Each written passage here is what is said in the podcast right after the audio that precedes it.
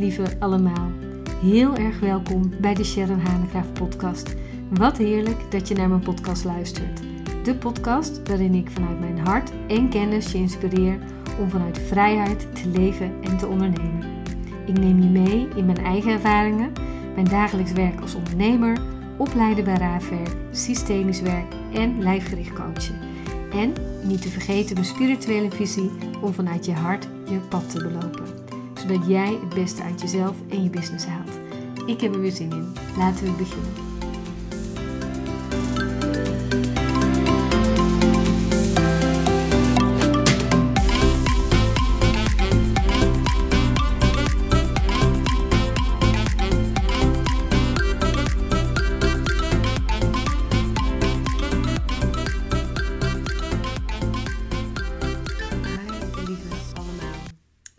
Dat je naar de podcast luistert. Het is ehm, zomervakantie, intussen voor iedereen denk ik.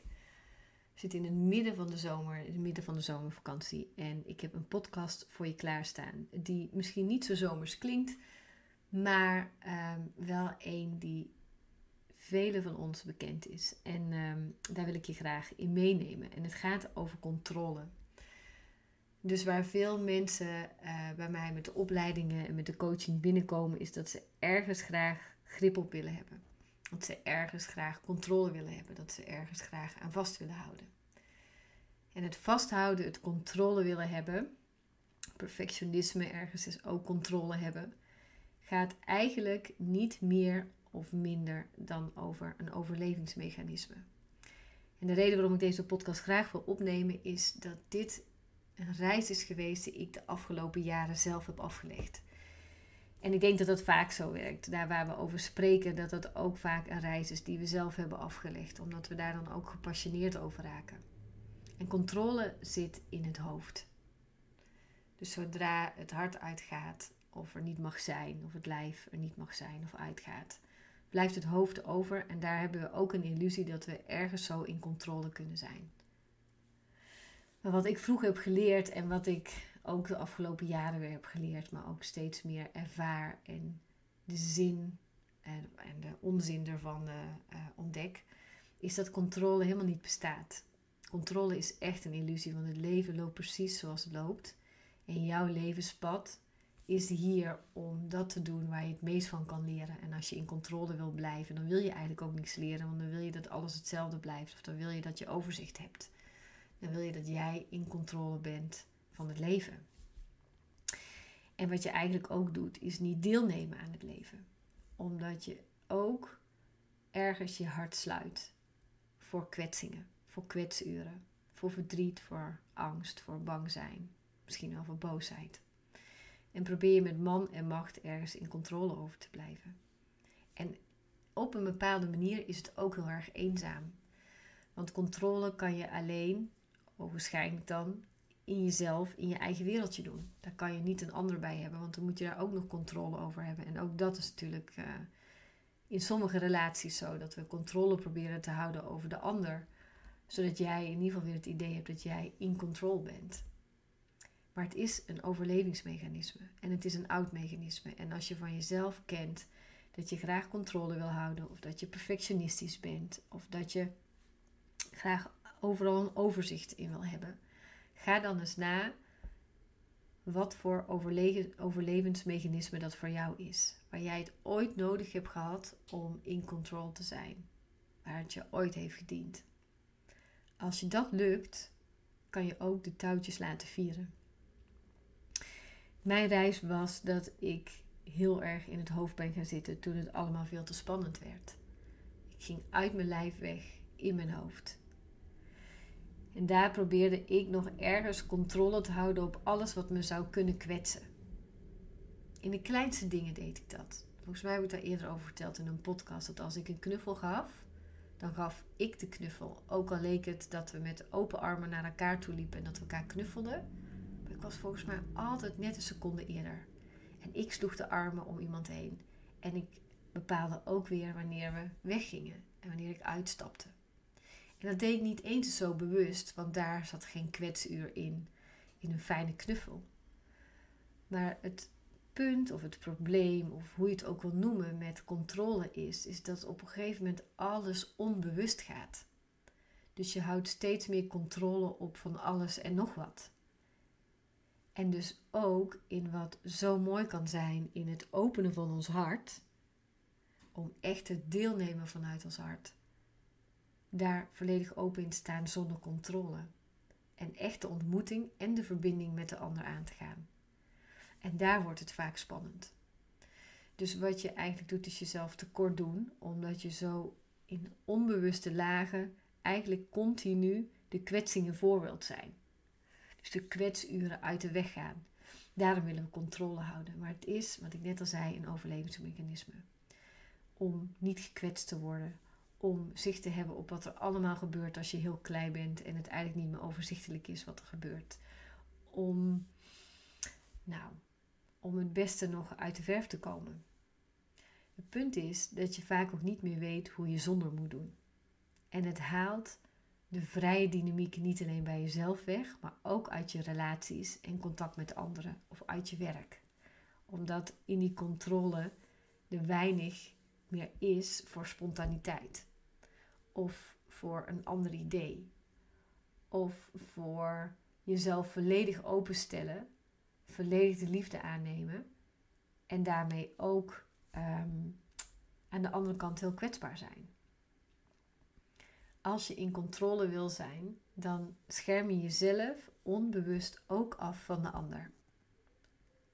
Dus je leeft als het ware in je eigen wereld. En neem dit niet zo als waarheid aan, maar ga het maar eens ontdekken. Als je graag de touwtjes in handen wil hebben, kijk eens in hoeverre je echt nog deelneemt vanuit je hart. Hoe je echt nog uh, deelneemt in de relatie met de ander, waarbij de ander net zoveel zeggenschap heeft, waarbij de ander vrij is en waarin jij vrij bent. Hoe vrij zijn jullie allebei in een relatie? En het hoeft niet alleen een liefdesrelatie te zijn, dat kan ook in een werkrelatie zijn, dat kan ook in een coachie-coach relatie zijn, dat kan in elke relatie zijn met vrienden, noem maar op. Maar als je de controle los leert laten laat je ook het leven helemaal binnen. Precies zoals het is. En ook daarmee de wederkerigheid van relaties. Dus daarmee bepaal jij niet, maar daarmee ehm, laat je je hart toe. Dus in plaats van dat je je hart uit de relatie haalt, laat je je hart toe en kan je veel meer zin en betekenis geven aan welke relatie dan ook. En ook de relatie met jezelf. Maar het gaat erover om jezelf volledig welkom te heten. Volledig welkom kunnen heten met alles wat er is en wat er niet is. En dat wat ooit zo spannend was om aan te nemen, dat wat ooit zo spannend was, waardoor jij de touwtjes in hand moest nemen, waardoor je dacht dat het anders niet veilig voor je zou zijn, los te laten. En daarmee raak je niet alleen een stuk van nu aan, 2021, maar raak je ook een stuk aan van toen je klein was. En ook al denk je dat je dat in het hier en nu voelt, binnen één seconde kan je zomaar zijn in een oud stuk zonder dat je het in de gaten hebt. En vanuit die angst om los te laten of toe te laten, reageer je nu. Snap je wat ik bedoel? Dus soms kunnen we zo denken dat we vanuit het hier en nu reageren, terwijl er eigenlijk een kind in ons reageert. Zodat je je eigen beschermingsmechanisme aan kunt houden. Dus de uitdaging is om je van hart tot hart te openen. Om echt deel te nemen aan het leven, om echt deel te nemen in een relatie. En dan ga je je verbinden. En in die verbinding, als je je echt kunt verbinden en de touwtjes los kunt laten en kunt laten vieren, kan je pas voelen wat er echt werkelijk toe doet. Want met die kleppen rondom je hart, waarin je jezelf beschermt, kan je ook niet meer zien wat er echt allemaal is. Super jammer. Maar daarmee moet je jezelf wel toestemming geven om te kunnen raken en geraakt te worden. Want raken is ook super spannend. Want daarmee kan je bijvoorbeeld ook in een confrontatie komen. Of kan je net wat je spannend vindt komen. En geraakt worden is heel spannend. Maar erop te durven vertrouwen dat je nu een stuk verder bent dan toen je klein was, waarin je ergens zo die touwtjes hebt leren aantrekken. kan je zien dat een klein meisje of mannetje toen misschien geen andere mogelijkheid had, maar nu wel. Ik heb daar een kleine blog over geschreven, of een klein stukje laatst op uh, Raafwerk op LinkedIn. En op andere social media kanalen van de man met wie ik ehm, eh, in het bos heb gelopen. En waarin we een heel stuk in zijn uh, oude stuk hebben gezeten.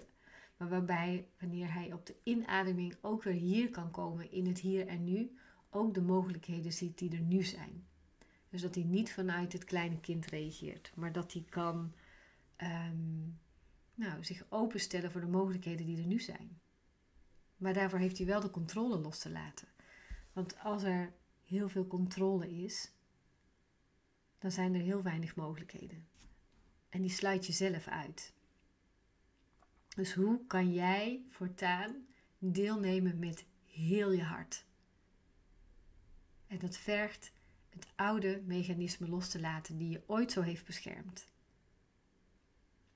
Controle, perfectionisme is echt een vorm van overleven. En er komt een moment dat het je niet meer dient. En ik denk eerlijk gezegd dat het je nu niet meer dient. En dat het ook niet meer voor je werkt. Maar het vraagt wel lef. Het vraagt lef en vertrouwen in jezelf om je hart te openen en echt deel te nemen. Deel te nemen aan het leven. Aan te nemen van alles wat er ooit was en niet was. En deel te nemen vanuit jouw hart. En als je dat durft, dan is jouw hart ook weer een zintuig extra.